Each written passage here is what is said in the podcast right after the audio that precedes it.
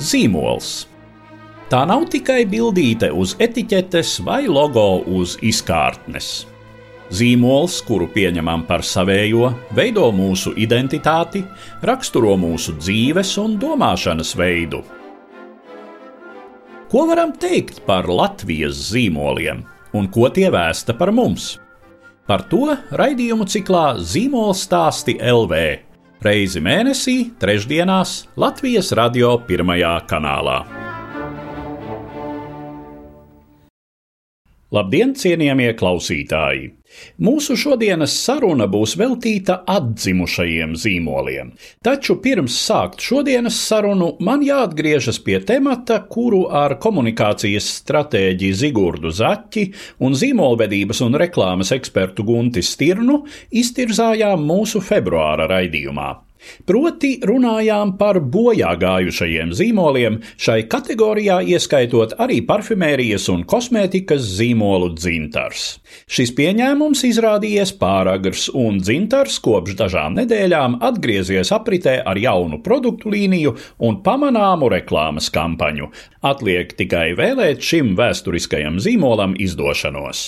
Bet nu mūsu šodienas saruna, kas veltīta diviem pēc aizmirstības desmit desmitgadēm apritē atgriezušamies zīmoliem. Mani sarunbiedri tiešsaistē ir divu vēsturisku zīmolu atjaunotāji un vadītāji.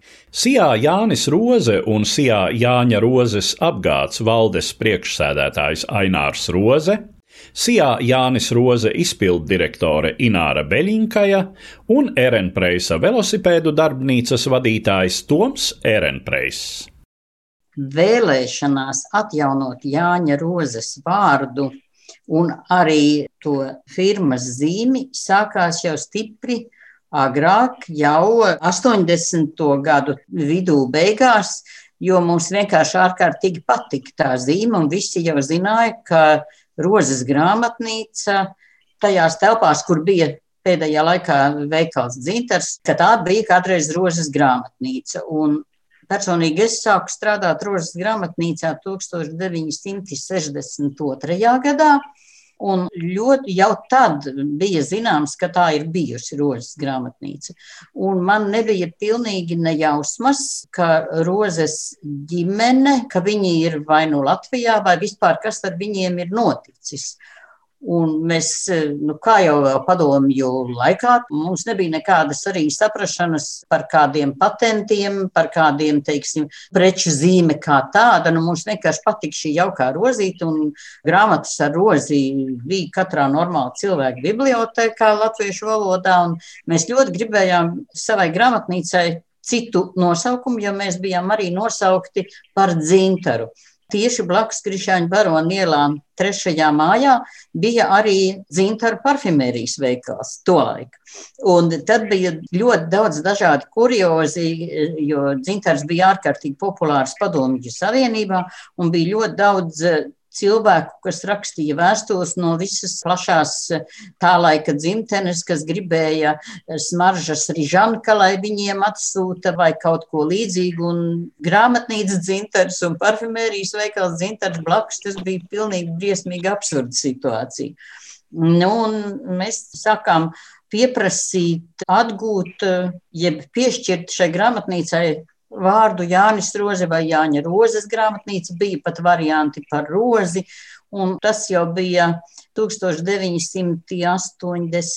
7. gads, kad mēs sākām cīnīties par cita nosaukuma iegūšanu, un bija diezgan daudz publikācijas gan laikrakstos, gan arī žurnālos, pat arī Krievu presē, un viens no tādiem grūdieniem zināmā mērā bija arī jau parādījies televīzijas raidījums Labvakar, kur veselos divos raidījumos bija diezgan liela sadaļa par to, kā vispār Rozes grāmatnīcai vajadzētu šo vārdu, kāda ir šī vēsture. Mēs bijām sākuši vākt arī Rozes izdevumus, un nu, vispār tā bija tāda ļoti patriotiska kustība. Un tajā laikā arī tad eh, nejaušības dēļ izdevās iepazīties ar Jāņa Rozes meitu Ainu Rozi, kas bija keramiķe un strādāja Mākslas akadēmijā, un tad tikai mēs tā īsti sākām sapazīties un saprast. Un tad eh, Jāņa Rozes dēla, arī Jānis Roze, kurš nebija izsūtīts uz Sibīriju, ģimene un eh, dēli, nu tagad mans partneris Ainārs Roze, Un tolaik Ilmāns Roze iesaistījās arī, un tāpat pat, protams, ļoti daudz palīdzēja Aina Roze. Viņa gan, diemžēl, vairs nav mūsu vidū.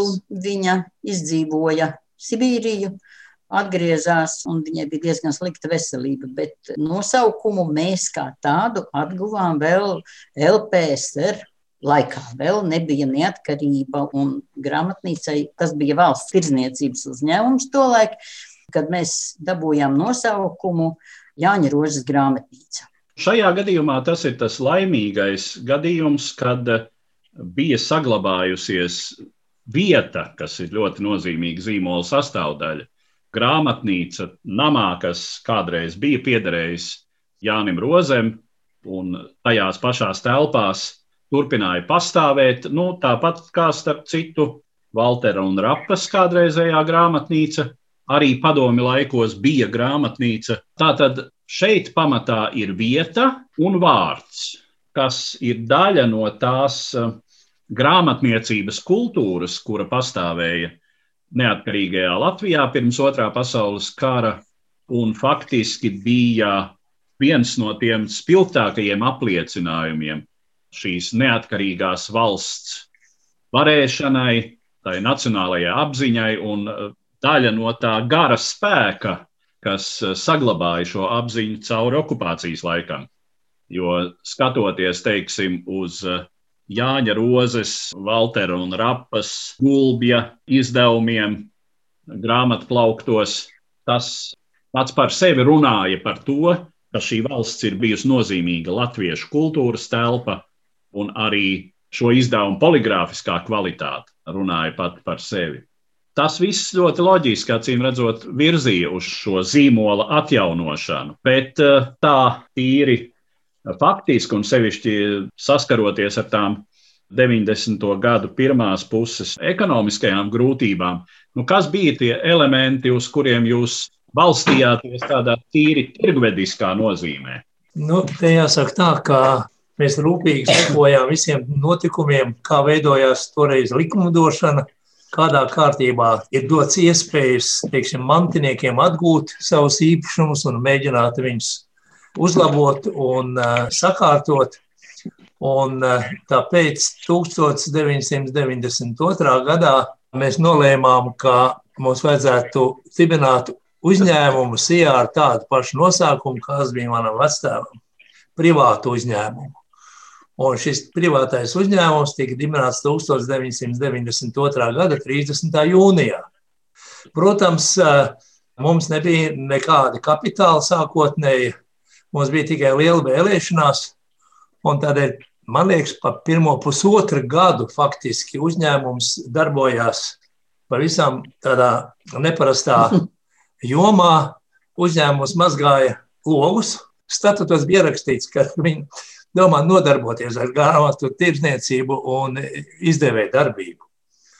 Un tikai 94. gadā mums pavīdēja pirmā iespēja kaut ko iesākt, jo konkursu kārtībā tika piedāvāts telpas brīvības ielā 90, kur bija grāmatnīca un kura grāmatnīca bija uz bankrota sliekšņa. Centra rajona izpildu komiteja izsludināja šo konkursu, un Sija Jānis Rozviņš minēja. Un tā nu iznāca, ka 94. gadā pirmā privātā grāmatnīca ar nosaukumu Jānis Roze bija Brīvības ielā 90. Mums bija arī visas tiesības toreiz izmantot vārdu Jāņa Rozes grāmatnīca, jo toreiz vēl īsti nebija viņš arī pieregistrēts, toreiz vēl nebija patentu valdes un viss pārējais. Un tad vienā brīdī Rīgā darbojās divas pēc juridiskā statusa atšķirīgas grāmatnīcas ar vienādu nosaukumu - valsts uzņēmums, Jāņa Rozes grāmatnīca un privātu uzņēmums Jāņa Rozes grāmatnīca.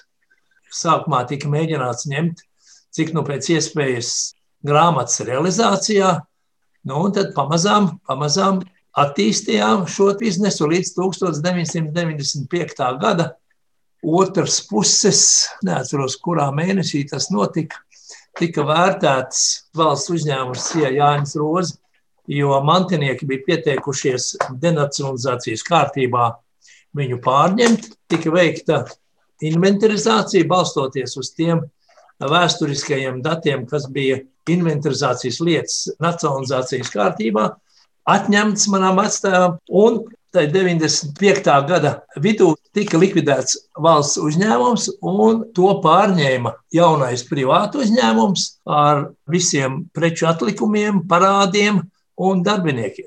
Tāda ir tā īsā vēsture. Grāmatu izdošana parādījās mazliet vēlāk. Pirmā grāmata tika izdota 1997. gadā. Gribu dot vārdu Tomam Erenpreisam. Tom, jūs arī klausījāties šo stāstu par Jāņa Rozes uzņēmuma sākumiem vēl pagājušajā gadsimtā. Nu, ja jūs tā salīdzināt ar savu pieredzi, bet jautājums būtībā ir arī tas pats, kas bija tas atspēriena punkts. Salīdzinājums varētu būt ar grāmatām, uz kurām bija tā roze virsū. Es sāku ar restaurāciju. Pirmkārt, sākot, kad mans atzars ir no Gustavs Ehrenpreisa brāļa. Pa manu līniju ir vairāk bijuši virpotāji, mehāniķi, tieši darītāji. Un es tieši tāpat arī sāku. Es sāku ar Gustavu Ehrenpreisu un citu 30. gadu velosipēdu restaurāciju. Tas bija jau šajā gadsimtā, 2005. gadu. Būtībā caur tiem velosipēdiem, caur to restaurāciju, kad piecu gadu laikā nonācām kopā ar kolēģiem pie tā, ka vajadzētu arī kā, radīt jaunus šos velosipēdus. Jo ir tik liela sajūsma par šiem vēsturiskiem velospēdiem, ka viņiem ir tik augsta kvalitāte. Un būtībā 2010. gadā tika radīts uzņēmums, un 12. gadā radās pirmie jaunie ERMPS velospēdi. Un paralēli bija visu laiku ir pastāvējusi šo vēsturisko velospēdu restaurāciju. Kad es sāku, tie bija vidēji 70 gadus veci, tagad jau ir 80 gadus veci. Manā pusē nav bijusi tāda tieša pārmantojamība, tieša mantojuma kā tāda. Bet idejas kā ziņā es esmu arī runājis ar, un man ir svētība no Gustavs Ehrenpreis bērniem, Jūra Maijas un Sarmītas, un kad es to lietu varu darīt un turpināt, un tieši ietekmējoties no šiem 30. gadu velospēdiem arī tiek radīti pilnīgi jauni, moderni, mūsdienu Ehrenpreis velospēdi. Precizējot, kurā gadā tika izgatavots pirmais jaunais Ehrenpreisa velosipēds?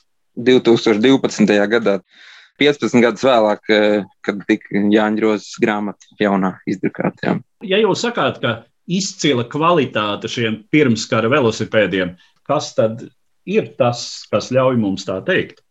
Detaļu nostrādātība, nu, tas pats ļoti nolietotais teiciens par vēlnu sīkumos. Nu, spilgts piemērs ir tas, kad uh, mēs pazīstam padomu velosipēdus, kam paminas vai centrālā pedāļu as balstās uz tapiņām vai ķīlīšiem vai kaut kā tā ir eh, būtībā arī 30. gados pārņemta tehnoloģija, ka milzīga atšķirība, ka 30. gados tās tapiņas bija tik perfekti. Precīzi nostrādāts, ka es esmu sastaps, kad 70 un 80 gadu vecs pedāļus, kas nenāk vaļā. Savukārt, manā bērnībā diezgan izplatīta lieta bija, kad tev atnāk tie pedāļi vaļā, un tad tu meklē kādu ķieģeli, lai tu tapiņu iesist apakaļ. Un... Vai āda sēdekļi, kas vēl ir, saglabājušies 70, 80 gadus, vai nu, nerunājot par pašiem rāmjiem, kas ir nu, Zviedru tērauda savā laikā būvēti. Un tie paši 90. gados BMX eh, braukšanas pirmsācēji arī ņēma šos pašus 30. gadu Ehrenpress rāmis un pārmetināja par BMX. Sporta muzejā vēl viens tāds stāv. Un tā izstrādājuma filozofija, ko tu restaurējot, pārņem un Fēniks no pelniem ļoti prozaiski izsakoties, arī to visu cel no jauna. Šajā gadījumā, salīdzinot ar Jāņa Rozes piemēru, tās eh, materiālās bāzes praktiski nebija. Nebija ne, uzņēmumu, kuru kur varētu privatizēt. Un tā tad jāsāk šai ziņā bija pilnīgi no nulles. Kā jūs eh, plānojāt un veidojāt to zīmolvedības un tirgvedības darbu, tādu tirgus apzināšanu, iespējamās noieta, respektīvi mērķa auditorijas izpētīšanu, nu. izpratšanu, vai šāda prece un attiecīgi nu, par droši vien ne to zemāko cenu tirgū būs konkurētspējīga. Jā, nu, tur ir daudz paralēlas ar 30 gadiem. Var vilkt sākot ar to pašu cenu, kad 30 gados Erimprēs velospēds maksāja 120, 150 latus, kas galīgi nebija maz nauda. Tā bija laba strādnieka mēneša alga. Tur arī ir mūsdienu Erimprēs velospēda cenu vilkt paralēlas. Un tā kvalitāte, ka tas ir stāsts nevis vēl pēc dažām sezonām, bet tiešām ļoti ilgam laikam.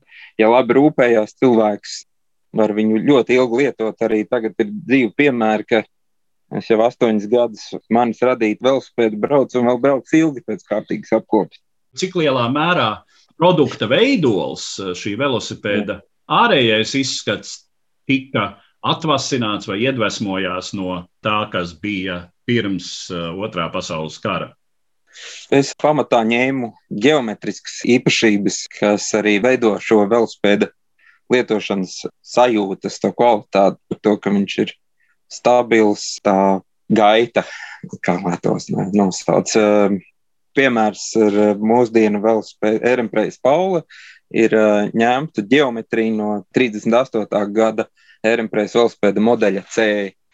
Bet pārējais viss jau ir moderns, ieturot klasiskas līnijas, tās ir jau modernas rumbas, moderni pedāļi un uh, materiāli ja tajā laikā tas bija viennozīmīgi tikai viena ātruma velospēds, tad tagad mums ir kā piemēram septiņi ātruma rumbā iekšā, lai varētu arī tādās kalnānās pilsētās ar viņu brīvi pārvietoties.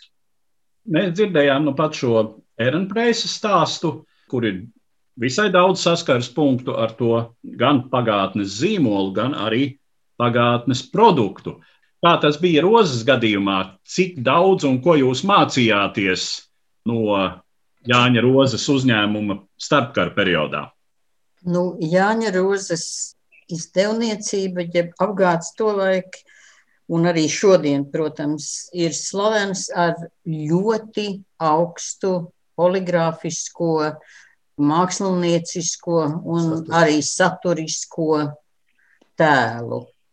Ļoti laba kvalitāte attēliem. Varētu teikt, ka izvēlēti labākie tā laika mākslinieki un grafiķi ilustrācijām. Sevišķi augsts līmenis ir bērnu grāmatām. Ļoti daudz skaistās pasaku grāmatas ir ilustrējis eh, Strunke. Mums ir izveidota pat ļoti liela Jāņa Rozes izdevumu bibliotēka, tā kā muzeja stūrītis, un tur mums ir šīs skaistās, kvalitatīvās pasaku grāmatas un arī, protams, kopotie raksti, jo Jānis Roze bija raksturīgs ar to, ka pirmais ļoti nopietni pievērsās latviešu klasiķu kopoto rakstu izdošanai un Tad bija interesanti arī, ka bija ļoti liela izvēles iespēja. Bija iespēja iegādāties grāmatas eh, tādos eh, mīkstos vākos, un eh, krāsainos vākos viens un tas pats izdevums, un arī ādā vai pusādā, nu kā nu katrs vēlējās un atkarībā arī, cik viņam bija rocības. Vēl ļoti nozīmīgs eh, rozes devums bija literārais žurnāls Piesaule, kura redaktors bija Kārlis Skalbe, ilgus gadus, un šajos literārajos žurnālos varēja publicēties jauni un salīdzinoši nezināmi rakstnieki un dzēnieki, un tas bija tā kā tāds pakāpiens uz varbūt tālāko slavu, pat ja tā var teikt. Un mēs esam centušies rozes izdevumiem pievērst ļoti nozīmīgu uzmanību tieši kvalitātei. Sevišķi, ja ir pasaku grāmatas vai kādi grezni izdevumi, lai būtu šis tā saucamais loks, lai būtu, kur acī atpūsties, lai būtu platākas mālas, lai varētu labāk uztvert uh, drukāto tekstu. Vispār cilvēki atsaucas ļoti labi par rozes apgāda grāmatām, un arī šobrīd ir tādi jau varbūt modernāki vāku veidi, kas ir sevišķi iespējami, ņemot vērā, ka ir ļoti labas tipogrāfijas. Mēs visvairāk sadarbojamies ar Jāgavas tipogrāfiju, kas, starp citu, arī turpina vecās tipogrāfiju tradīcijas. Kā jūs izjūtat eh, šī brīža? Tas ir jautājums gan Inārai un Aināram, gan eh, Tomam. Kā jūs izjūtat to šī brīža situāciju saviem produktiem un zīmoliem, kas ir varbūt tie, kā šodien saka, izaicinājumi, ar kuriem jūs sastopaties? Un sevišķi, laikam, mēs te runājam atkal par grāmatām, kam digitālajā laikmetā ir mazliet cita vieta tirgu un arī sadzīvē, nekā tas bija vēl pirms faktiski 30 gadiem. Īstā grāmata, jeb papīra grāmata, ir nezūdoša vērtība, Un neskatoties uz visu digitalizāciju, grāmata pat vairāk populāra ir pašlaik nekā, teiksim, gadus 10 vai 15 atpakaļ, kad runāja no apmēram tā, ka, nu, ja tagad ir parādīsies televīzija, tad kino nevajadzēs un aktierus nevajadzēs un neko nevajadzēs. Arvien vairāk mēs jūtam, ka cilvēki grib drukāto grāmatu, grib lasīt šķirstīt, varbūt pat sajust tipogrāfijas krāsas aromātu, un tas nepazudīs. Par to mēs gan, nu, vismaz tuvākos 30 gadus galīgi neuztraucamies, es domāju. Ne, nu, mēs Jā. arī domājam par e-grāmatām. Mums ir arī tāda sadaļa, kur var elektroniski grāmatas pie mums elektroniski veidots, nopirkt. Bet tā sadaļa, diemžēl, ir maza diezgan.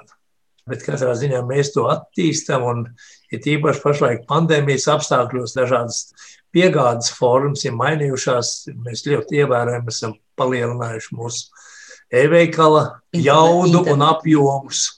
Viņi pieauguši vismaz četras reizes, kas mums liek pamat domāt, ka tomēr Latvijā un ne tikai Latvijā, pasaulē cilvēkiem mūsu pērki no Lielbritānijas un daudzām citām. No Japānas. Jā, pat no Japānas. Tāpēc mēs diezgan esam optimistiski noskaņot, lai gan ir nopietni jādomā par to, kā šī digitālā vide mainīs mūsu uzņēmēju darbību. No savas puses, es varu teikt, ka nu, arī ir eh, ļoti novērojama sabiedrībā tā vērtība maiņa un, un krīzes jau kopumā noved atpakaļ pie kādām pamatvērtībām. Arī tā velkot paralēlus ar grāmatām, padomu laiks jau iedeva tādu priekšstatu, ka velospēdi brauc tikai nabagie. Šajā ziņā viennozīmīgi status velospēdam ir atgriezies, un tā ir pat tāda stila jautājums. Un, un arī mēs ļoti rūpīgi esam domājuši par to, kā mēs varam būt pieejami visā pasaulē, un arī mēs tiešām sūtām tos velospēdus. Iepakojums ir tik pārdomāts, ka Cilvēkam atliek tikai ieskrūvēt priekšējo ratu, dubļu sargu, pielikt, noregulēt stūri un ielikt sēdekli, un viņš jau ar to velospēdu noregulēt, var jau braukt. Un to arī klienti atzīmē. Nu, Rīgā viņš saņems viņu jau pilnībā gatavu, bet tāpat laikā Londonā, Losandželosā vai nu, Dienvidkorejā viņš jau saņem viņu tādu pašu saskrūvējumu pamatīgu lietu. Es sāku desmitajā gadā, kad tikko bija pavisam svaigi iepriekšējā tāda pamatīga krīze, un jau tad varēja milzīgu to vērtību maiņu just, ka cilvēki sāk novērtēt, ka nav obligāti jābrauc ar džipiem. Ja 30. gados Ērempreis velospēdi bija populāri lokāli, tad tagad mēs esam vismaz geogrāfiski tikuši tālāk, un mēs varam izsūtīt, un tā pieejamība ir pilnīgi savādāka un globālāka. Un diezgan populāri tepat uh, Vācija, Dānija, Zviedrijai, un tad tālāk mēs sūtām uz ASV, uz Singapūru, uz Japānu, uz Dienvidkoreju. Ko tas vispār nozīmē ietikt šajā globālajā tirgū? Cik daudz pūļu un eh, arī tīri tādas eh, zīmolvedības izmaiņas tas prasīja? Viennozīmīgi tas ir vārda spēks, jo mūsdienās ir ļoti svarīgi, ka tu dabūtu tās labas atsauksmes un kad ir entuziastu blogi. Jā kuros tevi kāds klients nopublicē un atsaucās, un tad arī tas aiziet tā tālāk. Tur es, es pat būtībā tieši uz šo aspektu esmu centies arī balstīties bez milzīgām kampaņām vai Tā tad eh, mūsdienu tīmekļa vide ar sociālajiem tīkliem. Tas ļoti palīdz, ja tu to lietu dari labi. Tad tas arī tev veido tavu popularitāti un atpazīstamību. Nu, skaidrs, ka varbūt uh, rozes uzņēmumam šis aspekts ir drusku citāds. Jūs jau arī mazliet pieskārāties šim jautājumam, bet nu, jā, kā jūs šobrīd strādājat ar savu patērētāju, ar savu klientu?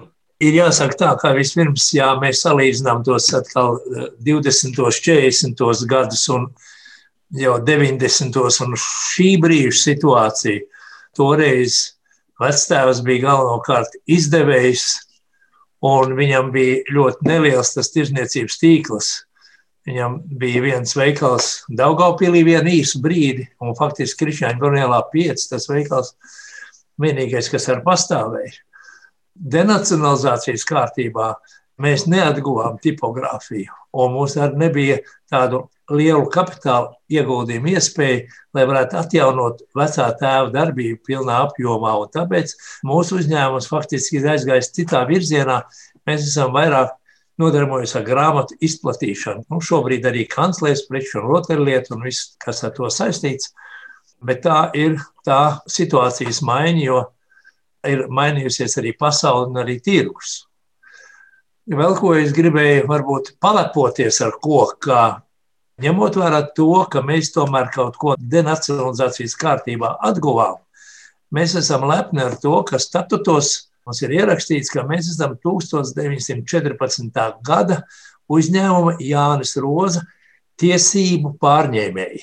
Tā kā mums ir visas juridiskas tiesības, likumiskas tiesības arī savā mājaslapā un visur citur norādīt, ka mēs esam vairāk kā simts gadus vecs uzņēmums, lai gan 50 gadus bija tāds pārāvums. Mūsu sarunu rezumējot, jāmet ir skats nākotnē un nākotnes perspektīvas. Ko jūs redzat kā to, uz ko jūs gribētu tiekties? Kā jau es pirms tam druscītiņi minēju, ka, nu, manuprāt, vismaz 30 gados tā absolūti radikāli nekas nemainīsies. Būs vairāk ar vienu audio grāmatas, būs arī, protams, bērniem rotaļlietas vajadzēs tik un tā. Nu, taču nevar būt tā, ka bērni spēlēsies tikai ar mobīliem telefoniem vai spēļu konsolēm. Jā, un mēs ļoti nopietni strādājam arī pie mūsu mājaslapas pilnveidošanas. Mēs ļoti nopietni mēģinām investēt arī mūsu e-veikala attīstībā.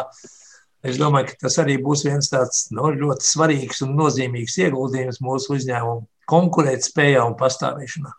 Droši vien, ka nu, rotaļlietu ražošanai vai datorspēļu izstrādē jūs laikam tomēr negrasāties pievērsties. Nekad nesaki, nekad.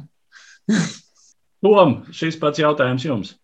Šobrīd eh, tā globālā situācija velosipēdu tirgu ir ņemot vērā, ka cilvēkiem ir likt sēdēt mājās. Un velospēds ir viens no tiem veidiem, kā var izkustēties, tad pieprasījums šobrīd pārsniedz piedāvājumu. Tanos brīžos vienmēr tev jāapsēžas un jāpārdomā tās vērtības, uz kurām tu balsties. Un es ļoti gribu cerēt, ka šis ir tas brīdis, kad, ja jau tā, jo mēs diezgan daudz darām paši uz tā, tāda globālā tirgvedības, tad uh, tieši šī darbu un ražošanas lokalizācija, šis varētu būt tas izdevīgais mirklis, ka mēs arvien vairāk varētu darīt paši. Es kautrēšos to nosaukt, tas jau notiek, bet uh, nu, darbi rādīs, teiksim tā. Un tur var ļoti daudz mācīties no tā vēsturiskā. Līdz ar to izskan mūsu saruna, kas bija veltīta diviem atzimušiem Latvijas zīmoliem - Jāņa Rozes apgādām un grāmattirdzniecības uzņēmumam un velosipēdu ražotājam Ērenpreisa velosipēdu darbnīca. Mani sarunbiedri tiešsaistē bija Sijā Jānis Roze un Sijā Jāņa Rozes apgādes valdes priekšsēdētājs Ainārs Roze Sijā Jānis Roze izpilddirektore Ināra Beļinkaja un Erenpreisa velosipēdu darbnīcas vadītājs Toms Erenpreiss. Uz redzēšanos, cienījamie klausītāji!